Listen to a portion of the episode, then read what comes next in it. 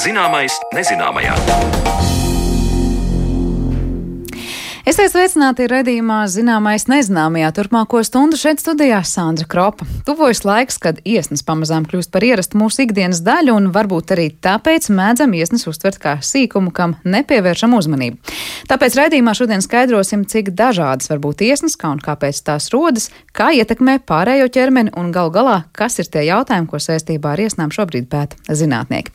Saruna par iesnām redzījuma otrajā daļā, taču pirms tam stāsts par to, kā sajūtam dažādu augu smaržas. Jau pavisam drīz parunāsim šeit studijā par iesnām, par to, kas tās ir un kā tās īsti rodas, bet pirms tam, kā jau teicu, stāsts par to, kā sajūtam dažādu augu smaržas. Augi ar savu aromātu gan pievilina aputeksnētājus kukaiņus, gan savus palīgā. Tie ir savu aromātu, kas bieži vien cilvēka degunam ir pat netverams savā starpā sazinās. Par to plašāk vienā no mūsu arhīvu stāstiem, kurā Zanelāci par augu smaržām iztaujāja bioloģijas profesoru Ģedertu Ieviņu.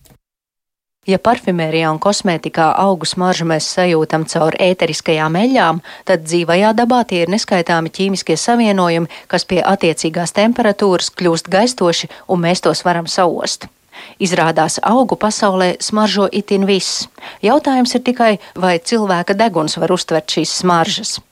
Vairāk par augu aromātiem stāsta Latvijas Universitātes bioloģijas fakultātes augu fizioloģijas katedras vadītājs profesors Ģederts Ieviņš. Augi izdala veselu spektru dažādu ķīmisko savienojumu, kur galvenā īpašība ir tā, ka viņi pie normālām gaisa temperatūrām kļūst gaistoši. Un šie savienojumi nu, ir gan ceļās no terpenoīdiem, gan no fenilproponoīdiem, vai arī varbūt dažādu taukskābju derivāti vai citi, gan slāpekli, gan sēru saturoši savienojumi. Kopā ir nu, no augiem iegūti kaut kādi 600 šādu savienojumu, kas ir identificēti. Vai var izskaidrot, kāpēc daži augi smaržo intensīvāk, citiem augiem vispār nav šī smarža? Nu, izrādās, šis jautājums ir pareizs no cilvēka viedokļa, bet viņš ir īstenībā pilnīgi nepareizs no dzīvās dabas viedokļa. Tāpēc, ka pilnīgi visi augi un visas augu daļas izdala kaut kādus gaistošus savienojumus. Cits jautājums, vai cilvēks viņus var sajust vai nevar sajust. Bet izrādās, ka cilvēkam pilnīgi uz visiem savienojumiem nav tā labākā oža, bet ir citi organismi apkārtējā vidē, kas spēj atsevišķus savienojumus daudz labāk uztvert. Patiesībā jau ziedu smarža arī mainās gan diennakts laikā, gan teiksim, no tā, vai zieds ir pie auga klāt vai viņš ir norauts. Pilnīgi šī sastāvs mainās. Ja parasti jau ir tajā smaržā, ziedas smaržā, tur ir kaut kādi pieci galvenie ķīmiskie komponenti, kuriem atsevišķi var būt teiksim, līdz 60% un citi teiksim, mazākos daudzumos. Runājot par to rītu un vakaru smaržošanu, vai tas ir izskaidrojams ar temperatūras maiņām, saules gaismu. Daļēji tas varētu būt saistīts ar temperatūru, tāpēc ka tā viņu gaistamība šiem savienojumiem, viņi, protams, ir atkarīga no temperatūras. Ir vairāk gaistoši un mazāk gaistoši savienojumi. Bet patiesībā ir pierādīts, ka šim smaržu ritmam ir pamatā auga bioloģiskais pulkstenis. Augs regulē attiecīgo gēnu sintēzi diennakts laikā un tiešām ražo specifiskus savienojumus. Jo tie augi, kurus aputeksnē nakts tauriņi, viņi tieši smaržo smaržo spēcīgāk vakarā un naktī, tieši kad tie naktstāriņi lido. Un te jau atkal ir jārunā par cilvēku faktoru, kāpēc, piemēram, dažiem cilvēkiem viņi saka, man no ievām vai maipuķītēm pilnīgi galva sāp. Cilvēks smaržu jutīgumu arī ļoti interesanti pētījumi. Es gan tur neesmu kompetents runāt, ja, bet īstenībā ir tādas vielas, kuras cilvēks var uztvērt tik zemā koncentrācijā, teiksim, nu, tas ir 10 mīnus 8 moli ko ar uh, analītiskām metodēm vispār nevar izanalizēt. Tad uh, apbrīnojams jutīgums pret dažām smaržām, pret citām nav.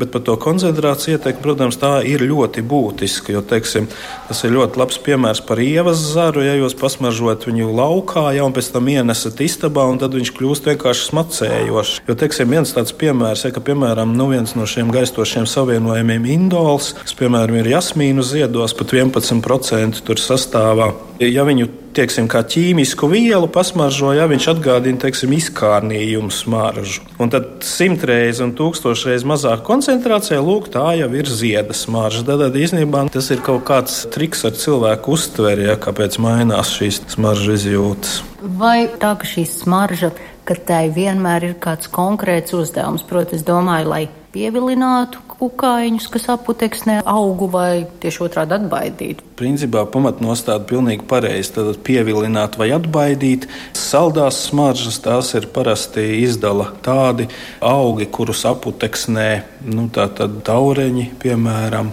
Bet ir augi, kurus smaržo pavisam citādi. Tie pievilina savukārt eh, dažādas mušas, ja, kas, piemēram, nu, smaržo pēc pūšas gaļas.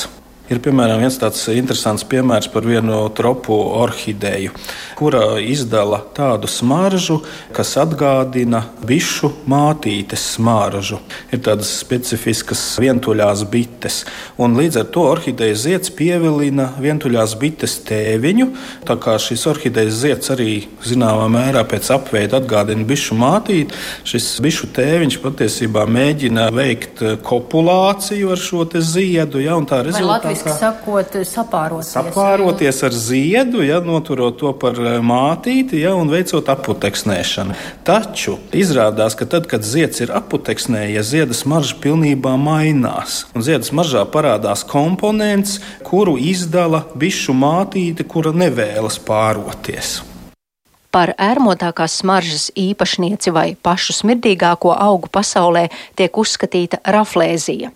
Šis augs ir sastopams tikai Dienvidu Austrumāzijas reģionā, lietus mežu apvidos. Raflēzijas zieds ir apveltīts ne tikai ar specifisku smaku, bet arī tā lielums ir iespaidīgs. Šī zieda diametrs ir teju līdz metram, un tās svars ir ap 10 kg. Šī zieda smārts tiek raksturots kā puvušas gaļas vai vecu olu smaka. Bet runājot par augu smaržu funkcijām, ģedars Ieviņš teica, ka lapu smarža, kas cilvēka degunam nav sajūtama, attiecīgos brīžos kalpo par augu saucienu pēc palīdzības vai signālu par briesmām. Lapu smarža mainās atkarībā no tā, ja augs tiek ievainots. Tad ievainošana izmaina šo smaržu, un pie tam izmaina viņu tādā veidā, ka viņš ir pilnīgi specifisks atkarībā no tā, kas augam ir uzbrucis. Jo vienam augam var uzbrukt nu, teiksim, dažādi augēdāji, ja piemēram kāda ērce ja, vai kāds eh, tauriņa kāpurs, un lapu smarža mainās atkarībā no tā, kas ir šis uzbrucējs. Un tad teiksim, ir tādi piemēri ja, par savvaļas augiem, kuriem uzbrūk kāds tauriņa kāpurs. Lapas izdala noteiktu smaržu, un šī smarža ir kā signāls, lai pievilinātu lapsenes, kas savukārt dēļ olas šajā kāpurā. Un tad eh, faktiski nu, tā ir tā saucamā tritrofiskā mijiedarbība, ka augs pasauc palīgā nākamo ekoloģiskās ķēdes locekli, kas palīdz viņam tikt galā ar viņa ienaidnieku. Un tai smaržai ir apbrīnojams specifiskums, ja līdz tam pat pilnīgi, ja tā smarža mainās atkarībā no, nu, piemēram, kāda augēdā jērce ir uzbrukusi, kāds ir viņas vecums, ja, un, un viss precīzi līdz šādām niansēm. Un tas ir arī izpētīts, nu, teiksim, kāda konkrēta ķīmiskie savienojumi mainās, bet tas ir tās smaržas, ko cilvēks nes nesajūtu. Mm. Vienīgais, ko cilvēks no tādām smaržām, ja pat tām lapu smaržām mēs jau runājām, ja kur tie terpēni savienojumi ir vēl, teiksim, nu, tikko pļautas zāles smaržai. Tam it kā nav nekādas ekoloģiskas nozīmes, jo zāle nesauc nevienu palīgā. Bet nu, tas ir viena no tām retajām, ko cilvēks var sajust no lapu smaržām. Līdz ar to bija tāds jautājums, vai arī augi var sazināties savā starpā. Ja bija tāds holandieši, kas ir daudz pētījuši šos jautājumus, viņiem pat avīzēs bija viena laika tāds rakstiņa ar tādiem tādiem virsrakstiem, kā piemēram augi runā, bet viņi ir kurli. Tad, tad ar domu tādu, ka augi paši izdala smaržas, bet paši nevar uztvert. Bet ir atsevišķi pētījumi ir par to, ka, ja ir savvaļas vērmeles, ja viņas ir ievainotas, ka viņu signāls spēj uztvert arī citas tūmā esošās vērmeles un izmainīt savu šo aizsargu savienojumu spektru. Un uz dārza pupiņām arī ir daži pētījumi, kur parāda, ka dārza pupiņas, kas audzētas atsevišķos trauciņos, un vienai ir uzbrukušas ērces, tad uh, ir pierādīts, ka arī blakus esošās pupiņas, nu, ja viņas spējīgas saņemt gaistošos savienojumus no tās ievainotās pupiņas, jā, var izmainīt savus aizsardzības sistēmas. Tomēr augi acīm redzot, spēja arī sajust citu augu izdalītos šos savienojumus. Bet aizsardzība tas ir vienkārši šīs pupiņas ar smaržu nodoto informāciju tālāk? Jā citas uztver. Tātad, kā, jo, jo aizsardzībā jau ir īstenībā augiem pārsvarā ir inducēta aizsardzība. Ja tas nozīmē, ka aizsardzībai paredzētie savienojumi tiek sintēzēti tikai pēc tam, kad uzbrukums ir noticis. Līdz ar to šim ātrumam ir ļoti liela nozīme. Ja, ja augsts sāks sintēzēt tikai tad, kad uzbrūk, nu, viņam ir mazas iespējas teiksim, izdzīvot. Jo šie aizsardzības savienojumi vienkārši ir vērsti uz to, lai teiksim, kukaini, kas viņu sēd, nu, viņiem sabojā tos ēst gribu un tā tālāk. Ja, nu, dažādas ķīmiskās vielas. Tad ievainotais augsts ir spējīgs paziņot otram pa gaisu, ja, ka man ir uzbrukuši, vajag sintēzēt kaut ko aizsardzībai. Par augu smaržām stāstīja Latvijas Universitātes augu fizioloģijas katedras vadītājs profesors Džedars Cieviņš, un pie viņa viesojās mana kolēģi Zana Lāce. Bet par to, ko un kāpēc nesasmaržojam, kad mums ir iesnas, mēs skaidrosim raidījumu turpinājumā.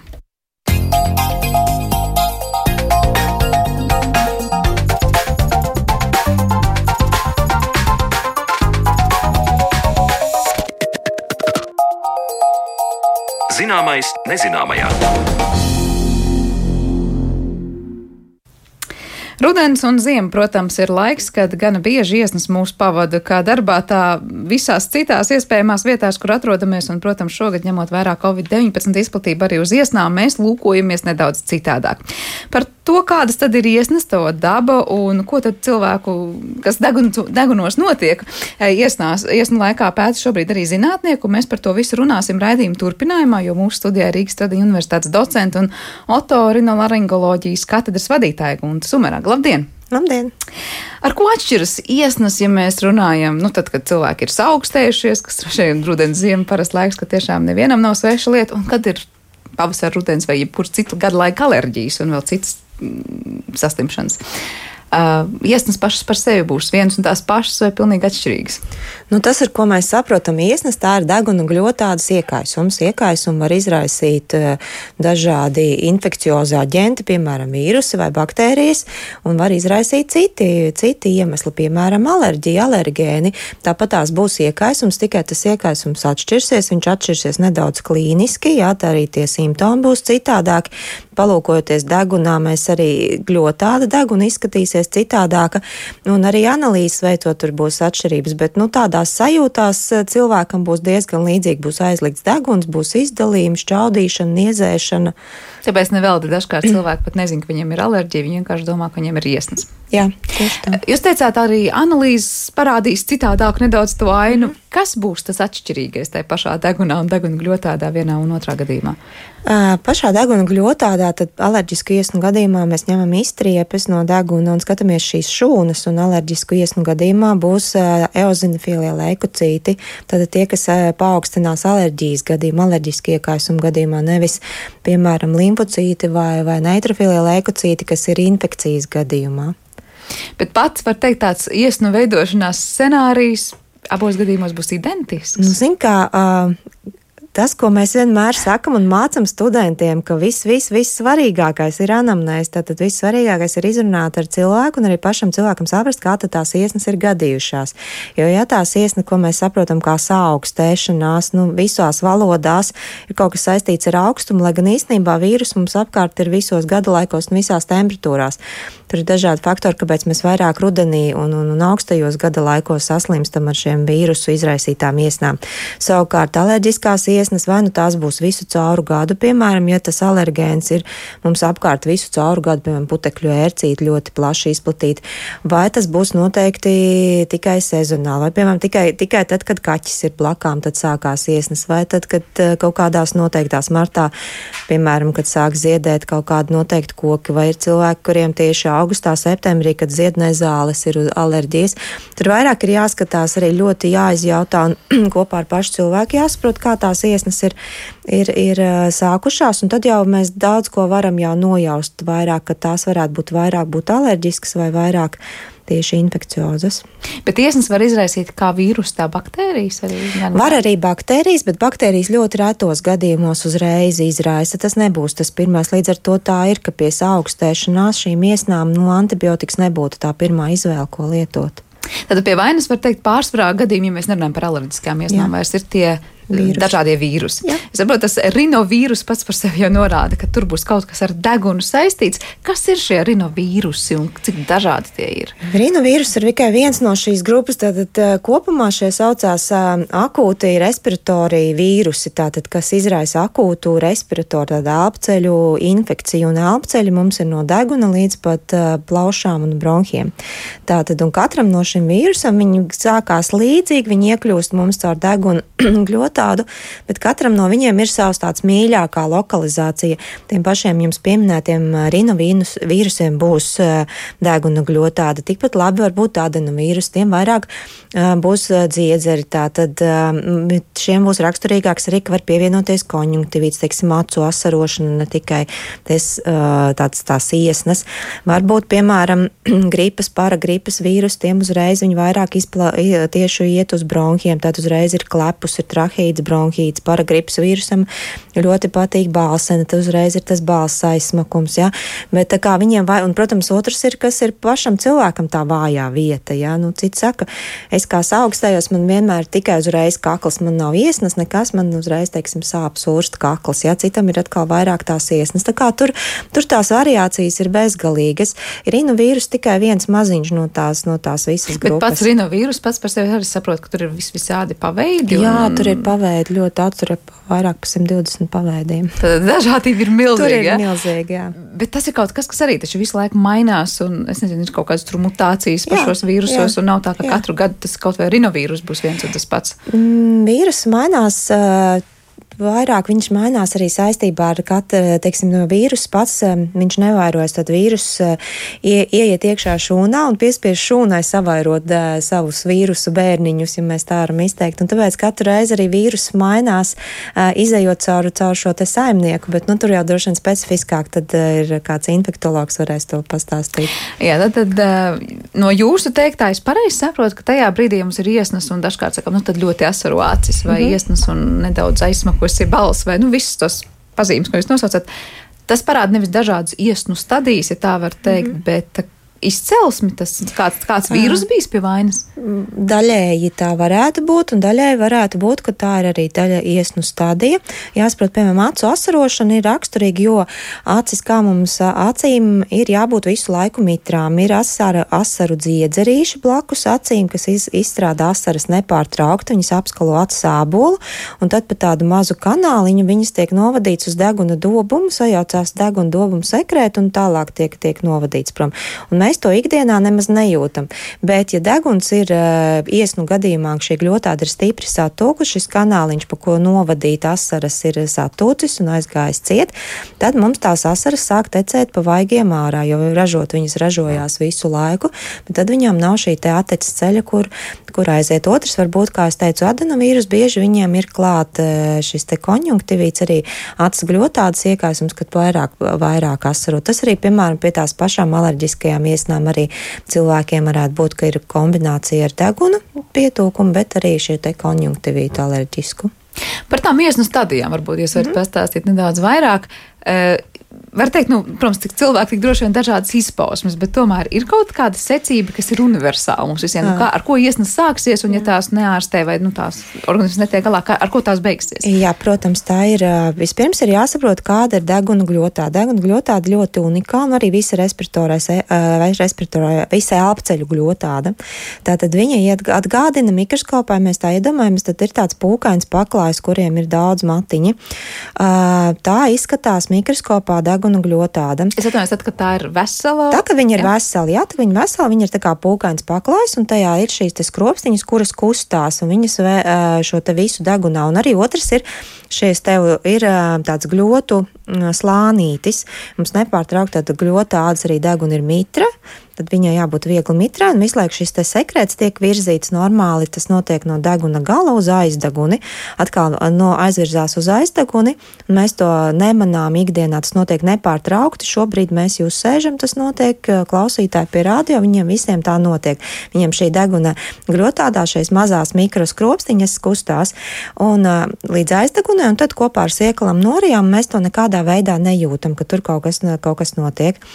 Tad, kad ir vīrusu infekcija, tad, kad vīrus ielaužās mūsu deguna gļotādā, tad pirmais, ko ieejot iekšā šajās šūniņās, pirmais, kas tiek darīts, tātad notiek šī te invāzija, notiek kara darbības sākšanās, ienaidnieks mūsu teritorijā, tad pirmais, kas apstājas, varētu būt, ka apstājās šeit skropstiņu kustība. Uh, tad ir sajūta, ka pēkšņi sāk līt uh, caurspīdīgs ūdeņains šķidrums un arī aiztūkst ļoti cieta deguns. Tad, kas notiek kā, kā reakcija uz to, ka ir kāds svešais ielauzies vīrus, uh, notiek asinsvadu paplašināšanās degunu gļotādā, jo pa asinsvadiem pienāk mūsu karapulki, ir atverās visi ceļi vaļā mums vajag tos karapulkus, bet eh, tā sajūta degunā, ka viņš ir ciet. Un sākumā varbūt arī šīs ūdeņaini, bet varbūt arī tāda sajūta, ka sauss vienkārši ļoti ciet, bet ļoti, ļoti sauss tas deguns pašā, pašā sākumā. Tad, kad ir uh, asinsvadi paplašinājušies, tad caur viņiem nokļūst uh, audos, tātad ne tikai šīs imūnās šūnas, kas ir vajadzīgas karošanai, bet nokrūst arī tīri šķidrums. Tas tur ir tīri fizika, ja, kad, kad, un tad mums sākās šie te daudz ūdeņaini izdalījumi. Pēc tam, pēc kaut kāda laika, jau kad tiek dots, paiet, paiet laiks no stundām līdz dienām, kad tiek dots jau un saprast, kas, ir, kas tas ir par ienaidnieku, kā mums viņu uzvarēt, sāk veidoties specifiskās imūnās um, vielas, un tad uh, tiek dots uh, šīm te fabrikām, kas ražo gļotas, pārstruktūrizēties un ražot gļotas citādākas. Tad vien, normāli mums tās deguna gļotas tiešām ir burtiski kā ūdens, tad uh, ies no beigu stadijām, zinām, ka ir tādi ļoti biezi, staipīgi izdalījumi, tādi ļoti viskozi, tad, tad viņi ir bagāti ar obaltumvielām, kas ir obaltumvielas, tās ir tās mūsu antivielas, kas strādā. Un tad tajās iesnu beigu stadijās deguns jau ir varbūt brīvāks, nav tik traki. Cilvēks tās, ka nu, daudz ir tādi daudz biezi tādi eh, gļotāji izdalījumi no deguna, ka reizēm ir jāšņaut un jāšņaut un jāšņaut ārā. Nu, tas ir tas, un tad jau arī tas ir principā tā beigu stadija, un tad jau ir atvesaļošanās. Un, un, tad var teikt, tā, tā visatrakākā stadija no tā viedokļa, nu, kad ir jauni sveši kaut kādi organismi ienākuši mūsu organismā ir tās sākums. Ir tas sākums, jā, jo tajā sākumā tad uzreiz šī te imūnā sistēma uzreiz norēģē. Viņi uzreiz atpazīst, vai šis mums ir zināms, vai šis mums ir nezināms. Ja mums ir zināms, mēs kādreiz jau esam saskārušies, tad ir vieglāk, jo mums jau ir ieroči, mums ir šīs te antivielas saglabājušās, un tad parasti, parasti tik smagi nesaslims vai nesaslims vispār vai kaut kāds, ja, ko mēs zinām, kur pamatojās šī te imū, imūnā atmiņa. Un savukārt atkal, ja ir, ja ir, ja ir kaut kaut kas ļoti nopietns, ļoti, ļoti stiprs, ja tā izteikties, ja, tad ir atkal citādāk tā, tā, reakcija. Bet tas nozīmē, ja, piemēram, mēs ar vienu, vienu no tiem vīrusiem esam Jā. tikuši vienreiz tur galā, mūsu organisms atcerēsies un pie tieši tā paša vīrusa pat varbūt tiesnes nesāksies nākamajā jā, reizē. Jā, tie tieši tas pats, jā. Otrs ir tas, ko mēs runājām, ka vīrusu ir mežonīgi daudz, un otrs bišķiņi viņi mainās katru reizi nākot, bet katrā ziņā, ja tas būs, būs mums jau kādreiz satikušies, tad vien mēs zināsim, mūsu, mūsu armija zinās, kā ar viņu uzvarēt. Tad, kad jūs teicāt tās skropstīņas, kas, var Jā. teikt, apstājās un nestrādā Jā. tajā brīdī, kad tur svešinieks ir ieradies, un tad mēs sajūtam mm -hmm. tos tādus tā kā kā saka, ūdens pa degunu, kā mēs sakām.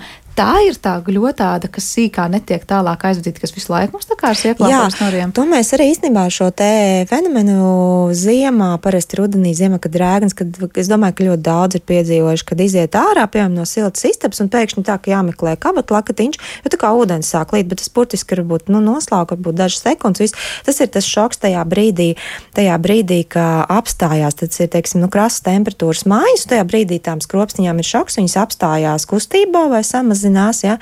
Un, un, un, un pēc tam atkal atjaunojas. Un tas arī ir tas brīdis, kad eh, nav šī kustība, ka mūsu gļotāda ir vairāk ievainojama. Un tas izskaidrotu, ja tā mēs esam tajā augstajā laikā, tad tas izskaidro to saaugstēšanos, kāpēc mēs augstā laikā biežāk slimam. Mums šīs temperatūras maiņas, eh, šoks mūsu gļotādai, un tajā brīdī to var izmantot kāds vīrus, kas tur trāpās. Es saku, izmanto savu iespēju. Izmanto savu Uģis mums ir atrakstījis daudzus, jo daudzus jautājumus var teikt kopā. Nu, dažus no tiem jums šobrīd labprāt uzdot. Nu, piemēram, Uģis jautā, kādā vidē patīk tiem saaugstēšanās vīrusiem, ja, piemēram, rudenī pieaug telpu mitrums līdz pat 80-90%, vai tas ir tāda noteikti ideālā vide šiem vīrusiem? Vairāk, vairāk viņiem, jā, viņiem patīk tāds mitrums noteikti. Un, un, un redzēju, viņš pie, pie, ka vīrusu koncentrācija pieaug tur, kur ir cilvēku koncentrācija. Tāpēc arī pirmais ir tā profilakse, arī parasto vīrusu ir veidināt telpas, mazgāt rokas un staigāt svaigā gaisā, jo svaigā gaisā staigājot šo vīrusu noķert ir mazāks risks nekā telpā, kur ir daudz, daudz cilvēku, kur ilgi nav veidināts, jā, un tad šī koncentrācija aug. Brīvā vidē jau tie mikro, es atvainos vīrusi, viņi tik noturīgi nav, viņi jau nevar tā ilgi dzīvot. Bez telpā, saimnieka, bez saimnieka. Viņiem ir vajadzīgs diezgan ātri to nākošo saimnieku satikt. Bet tas telpu mitrums, piemēram, vai sausums mm. ir nosvara? Atkal tad droši vien tas atkarīgs no konkrētā vīrusu tipa, bet kopumā mūsu deguna gļotādai patiks, ja ir mitrāks, uh, mitrāks gaiss.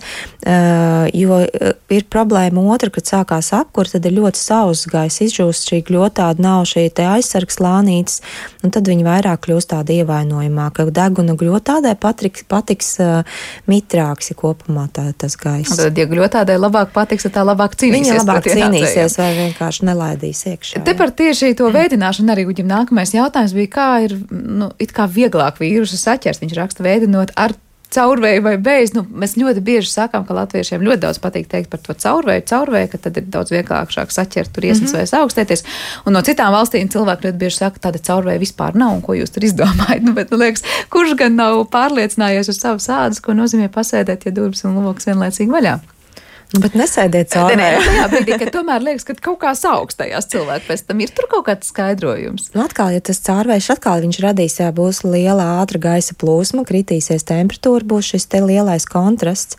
Tāpēc, eh, tāpēc jā, nu, tad, ja telpa, es domāju, telpu pašu ātrāk izvā, izvēdināt noteikti caurvējā, bet, nu, vajag varbūt cilvēkiem nesēdēt tajā brīdī. Ne, ir cilvēki, kas saka, ko mēs tur satraucamies, kad nekāds caurvējš tur neiet. Nu, jā, jā, jā, jā, bet, eh, bet eh, tīri šīs te temperatūras krāsas krasi, arī būs gaisa plūsma, arī kritīsies temperatūra. Tādā ziņā mēs tajā brīdī varētu kļūt ievainojamāki. Jā. Tad, tad tā temperatūra izmaiņa varētu būt. To jau arī, nu, arī šī visa rūdīšanās, ka mēs zinām, norūdīšanās, tas jau arī ir tas pieredzināt mūs pašus pie tādām krasām temperatūras svārstībām, ka var būt augsts, var būt karsts, var būt dažāds, un, un, un mums nevajadzētu to reaģēt. Bet, laikam, nu, tā temperatūras svārstība nevienmēr labi. Viena lieta ir, mēs esam pēkšņi nonākuši tur augstā telpā vai to telpu padarījuši mm. augstā, pat uģis, turpinot viņa jautājumu joprojām klāsta te ir arī par to, kāpēc dažkārt tev ir augsti pēdām, bet tev aizsmak kakls pēc tam vai veidojas iesnas, tu patiesībā saukstē var teikt citu ķermeņa daļu, bet uh, primāri tev tas liekas jau manīt caur iesnām.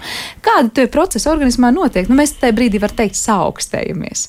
Mēs vienkārši sevi vairāk tā kā atveram tiem apkārt esošajiem tajā brīdī vīrusiem, kas tur ir vai kā. Nu, kāpēc tiešām nu, tajā brīdī kaut kas, kas, te, kaut kas, kas mums tajā brīdī liek justies ievainojumiem sliktī, varbūt, ja mēs būsim augstām pēdām un priecīgi, un es domāju, ka mēs mazāk sasniegsim. Bet eh, pēdās ir eh, receptori, tāpēc arī nepavēlti šī empiriskā vecmāmiņu metode karsēt kājas, eh, kad ir saaugstējies. Tur ir pierādīts, jā, ka tur reflektori darbojas un tūs, ka samazina samazinās deguna glūda. Un, ja vēl sāls ūdenī karsēt, kas nu, tur tā, tur tā, es tādu nemācēšu tik precīzi, bet principā, jā, tur tie reflektori, pēdās ir tie reflektori, receptori, tur, mm, tur ir ļoti daudz tā, kā mums tas ķermenis tā interesanti reaģē. Mm. Kā vispār iesnas skar citus orgānus? Nu, labi, viena lieta ir, es domāju, no aizliktais deguns un elpošanas grūtības, ko mēs katrs mm -hmm. esam uz savas ādas izbaudījuši, vai tur garšu, smaržu sa samazināšanās vai asaru, asarošanu ir kaut kāda saistība, kas tad īsti notiek tālāk ar visu organismu brīdī, kad mums ir iesnas? Mm. Nu, viss organisms arī cīnās, visu organismu zinām, tāpēc arī pie parastām iesnām reizēm būt nedaudz paaugstināta temperatūra. Tas nozīmē, ka ir iesaisties visu organisms tajā cīņā. Ja mēs esam citādi veseli pirms to iesnu saķeršanas un stipri, un, un tad nevajadzētu nekam vairāk notikt visā organismā. Protams, ja cilvēkam ir kaut kādas hroniskas slimības un tāpat jau ir tāds vājāks novājināts tas organisms, tad varētu šīs kroniskās slimības sāsināties. Tipiskāk varbūt turpatās āpceļos, piemēram, astma, jā, vai, vai, vai kādas citas slimības, bet parasti, ja mēs esam stipri, nevajadzētu nekam būt veseli iepriekš pirms šo iesnām. Tas nu, ir brīži, kad eh, mēs sakām, nu taču ar iesnām neiesim pie ārsta. Bet ir gadījumi, kad ar iesnām ir jādodas pie ārsta. Kur, kur ir kuri tie gadījumi? Uh, es domāju, ne, pie, ar iesnām pie ārsta jādodas tad, kad viņām, viņas ne, nepāriet pašas, jo viņām būtu jāpāriet pašām. Uh, tur tie, tie visi tautā teiktie septiņas dienas vai nedēļa, bet nu, divu nedēļu laikā būtu jāizvesaļojās no iesnām.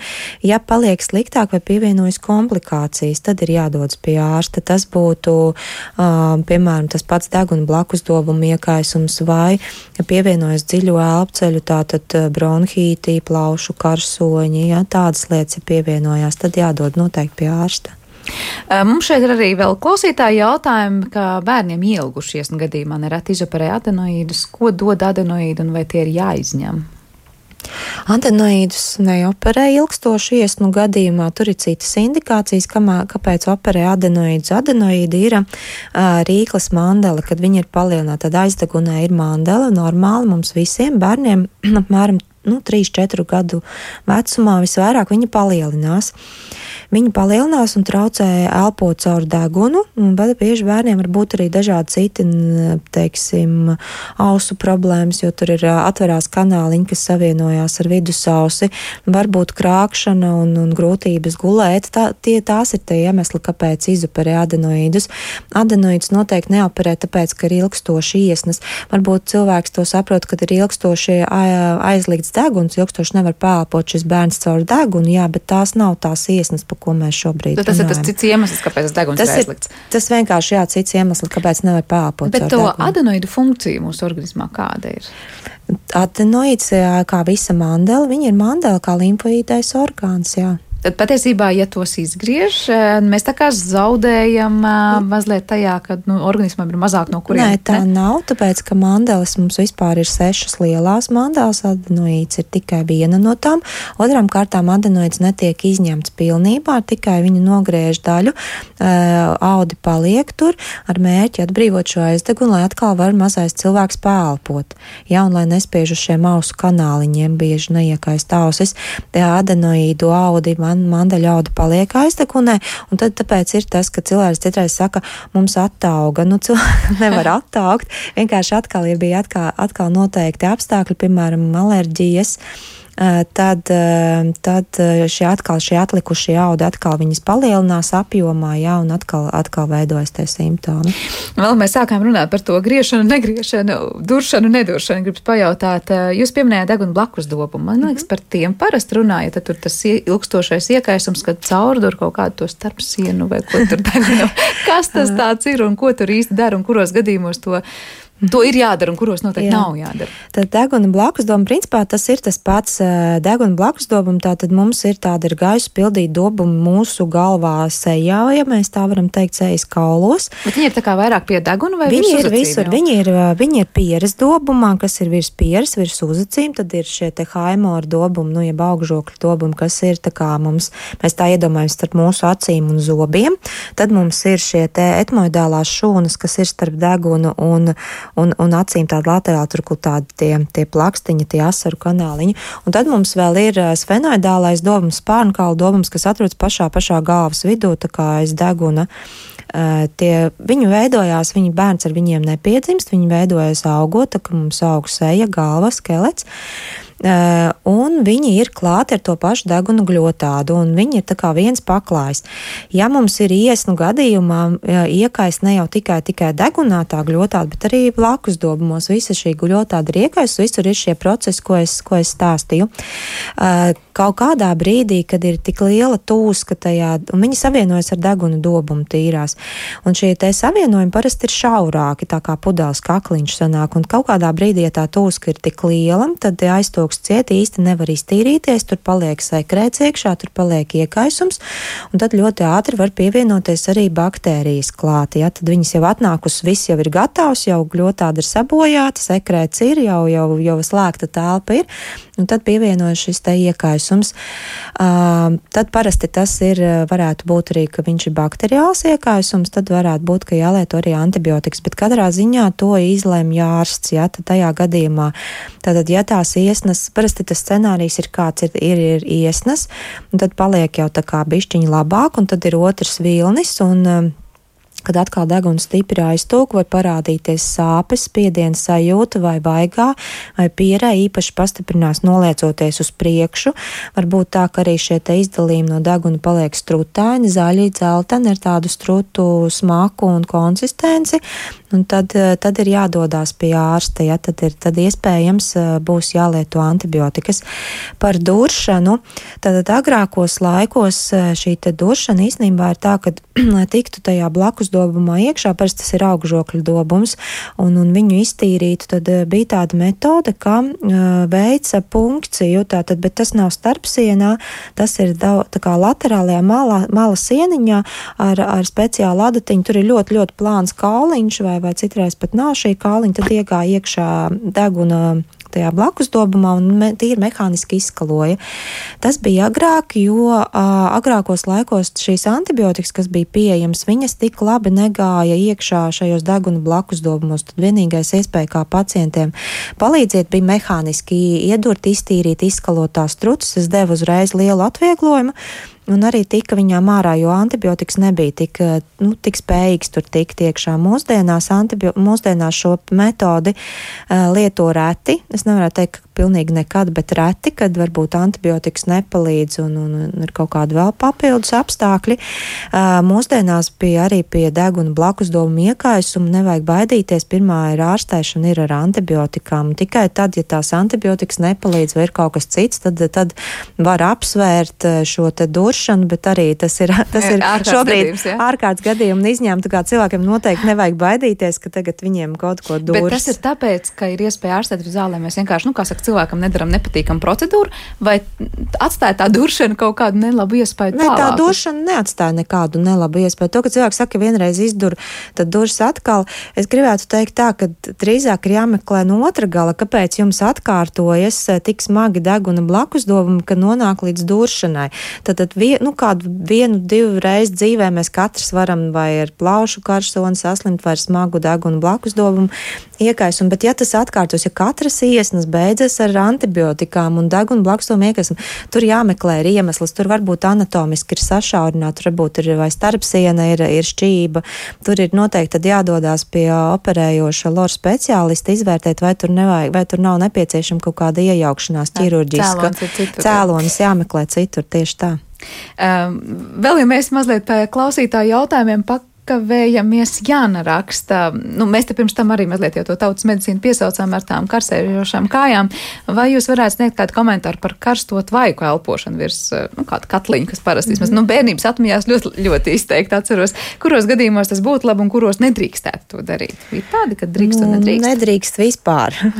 Tāpēc, ka mums jāatcerās, kas ir tvaiks. Tvaiks ir principā ūdens vārīšanās temperatūrā. Labi, jūs pārliecieties pa katliņu, varbūt viņš nav tajā atstādumā, kur jūs pārliecaties 100 grādi pēc Celsija, bet nu kāda 70, 80 gadi ir. Un, līdz ar to tvaiks, kā tās, kad ir, kad ir saaugstēšanās, tad, kā jau es teicu, šīs te mitrums gļotādām nāk par labu. Viņām patīk, viņas tiek mitrināts, bet tam noteikti nav jābūt tādam kā tvaikam, karstam, par kuru liekties, jo tad var notikt pretējs efekts, var apdedzināt elpceļus un, un, un šī tūska tikai pieaugs. Īpaši to nevajadzētu darīt bērniem. Ja ir vēlme bērnam, piemēram, ir stiprs kaut kāds savs klepus, cietas deguns, var vārīt tās kumelītes uz katliņā vai kartupeļus un būt blakām, bet nu nekādā gadījumā neliekties pāri un elpot.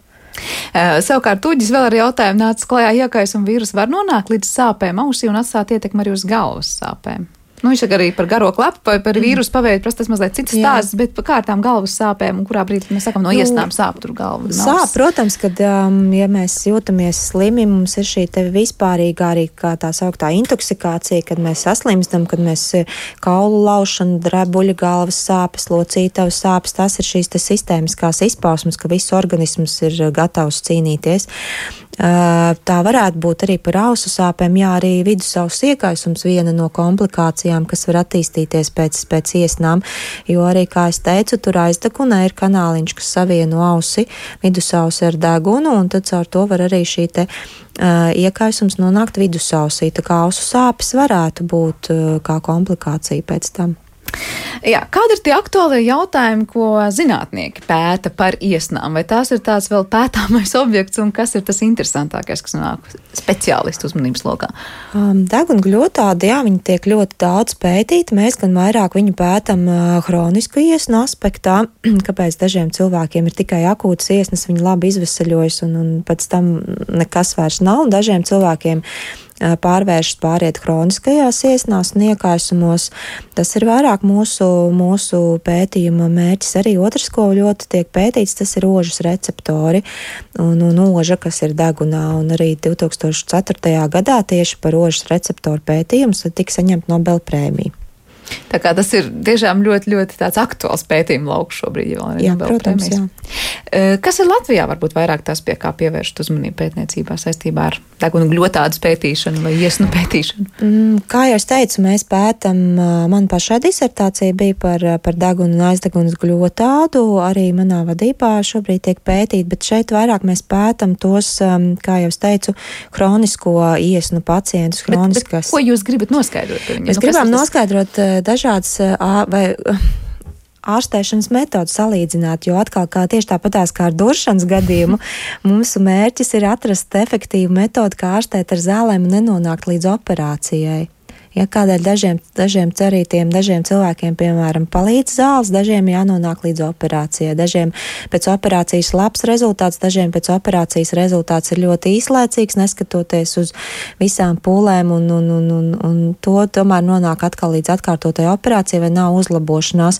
Un tur ir šie dažādi receptori, dažādi mediātori, dažādi fenotipi un endotipi. Tad no ārpuses, ja mēs sakam, līdzīgi kā ģenētikā, no ārpuses cilvēks eh, vai izskatās izskatās tā vai citādāk, bet viņa iekšējā šī ģenētiskais kods ir, ir, ir, ir atkal citādāks. Līdz ar to arī deguna uh, iesnām, tātad kroniskas iesnas no ārpuses varbūt deguna gļotāda un izpausmes izskatās līdzīgs, bet īstenībā cilvēkam, kad mēs pētam šo te gļotādā, kas tieši notiek, tur receptori un mediātori pavisam atšķirīgi, un tas izskaidro, kāpēc vienam ir it kā līdzīgu slimības gaitu viņš padodas ārstēšanai, un otram savukārt nē.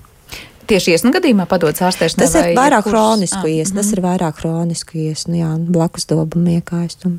Bet ar teikt, ka mēs katrs esam unikāli ne tikai tajā, nu kāda mēs esam tur ģenētiski, mm -hmm. bet tas, ka mums pat tā deguna gļotāda būs kā katram savs pirkstu nospiedums, protams, un jā, kā protams. arī iesnas mums katram tad būs protams, citādāks, un tas, kā katrs uz tām reaģēs, būs protams, pilnīgi jā. individuāls. Uh, mēs tagad šajā rudenī, protams, ka sasaucam šīs iesnas kopā ar šo Covid-19 bieži piesaukto, vai ir izplatīts šis viedoklis, ka, ja ir iesnas, tad jau Covid īsti nevar būt eh, mīts patiesība. Kādas ir tās saistības, kas ir noteikti tas kopīgais un kas noteikti viens otru izslēgs? Jā, nu, teiksim tā, ja mēs ņemam ļoti vispārīgi, tad atkal Covid, tas pats koronavīrus, tas arī pieder pie vienas no šie respiratoro vīrusu grupas, kur tāpat iekļūs mūsu organismā caur deguna gļotādu un savairosies aizdegunē. Tad vienīgais, kad šis te Covid-19 vairāk arī viņš no tiem vīrusiem, kuriem vairāk patīk dziļie elpceļi, tātad plaušas un bronhi, bet iekļūst jebkurā gadījumā caur degunu gļotādu nav raksturīgs tādas iesnas, jā, kā izpausmēm ar, ar aizliktu degunu, ar, ar ūdeņainiem izdalījumiem. Tā pašā laikā ir arī tādi gadījumi aprakstīti. Tas, kas ir ļoti specifiski tieši šim covidam, ir ožas zudums. Tas ir diezgan viens no specifiskiem simptomiem, kas tiek aprakstīts, kam jāpievērš uzmanība, un ir dažas pat rekomendācijas, īpaši sākumā, kad šī pandēmija attīstījās, ka nebija tik daudz pieejami visās valstīs, ne tikai mūsu, ka nebija tik daudz šie testi, ka dažas arī ieteica, kā vadlīnijās bija ieteikums, ka, ja jums nav citu simptomu, bet ir pēkšņi ožas pasliktināšanās un zudums, un tad, tad izolēties, pašizolēties līdz brīdim, mm. kamēr tiek veikts tests, jo tas ir ar tādu ļoti augstu aizdomīgumu. Tas ir runājumi par to, ka pazūd oža, bet nav tas aizliktais deguns, jā. jo pie tā aizliktā degunums vienmēr oža. Jā, tieši tā, pazūd. jā, kad īpaši nav nekādu citu simptomu, bet pēkšņi pazūd, pazūd oža. Tā kā saistība tādā ziņā ir, ja varam teikt. Saistība ir, nu tā, nu arī tas, kas ir šeit sabiedrībā izskanējis tas viedoklis, kāpēc jāņem ir šīs analīzes no deguna. Uh, Un, un tā tādēļ, ka degunā ir pierādīts, ka tieši degunā un aizdegunā ir vislielākā koncentrācija to vīrusu. Ja mēs uh, precīzi gribam noteikt, tad mums ir jāņem, lai cik nepatīkam nebūtu šī analīze ņemt caur degunu, viņa ir jāņem caur degunu. Jā, tā kā tāds, var teikt, vīrusu izsakošanas Jā, metodas. pat ja, pat ja nav viesnas, viņi pierādīts, ka tur ir uh, liela koncentrācija šī vīrusa. Un tas jau ir arī tā, kā mēs nododam viņu atkal tālāk, caur degunu, ja, caur, caur klepojot, šķaudot, runājot. Jā, liels paldies jums par tādu ieskatu tajā, kas notiek organismā, kad mūs piemeklē iesnas un cik interesants tas viss process kopā darbojas. Rīgas Tradiņu universitātes docenta notolaringoloģijas katedras vadītāja Gunta Sumerāga šodien pie mums bija viesos raidījumā Zināmais nezināmajā. Ar to raidījums ir izskanējis, par to parūpējās producents Armīta Kolāte, mūzikas redaktors šai stundē Girds Bišs, skaņu režijā bija Kristaps Ēdi un studijā Sandra Kropa. Mēs tiekamies atkal rīt šajā pašā laikā. Vislabāk!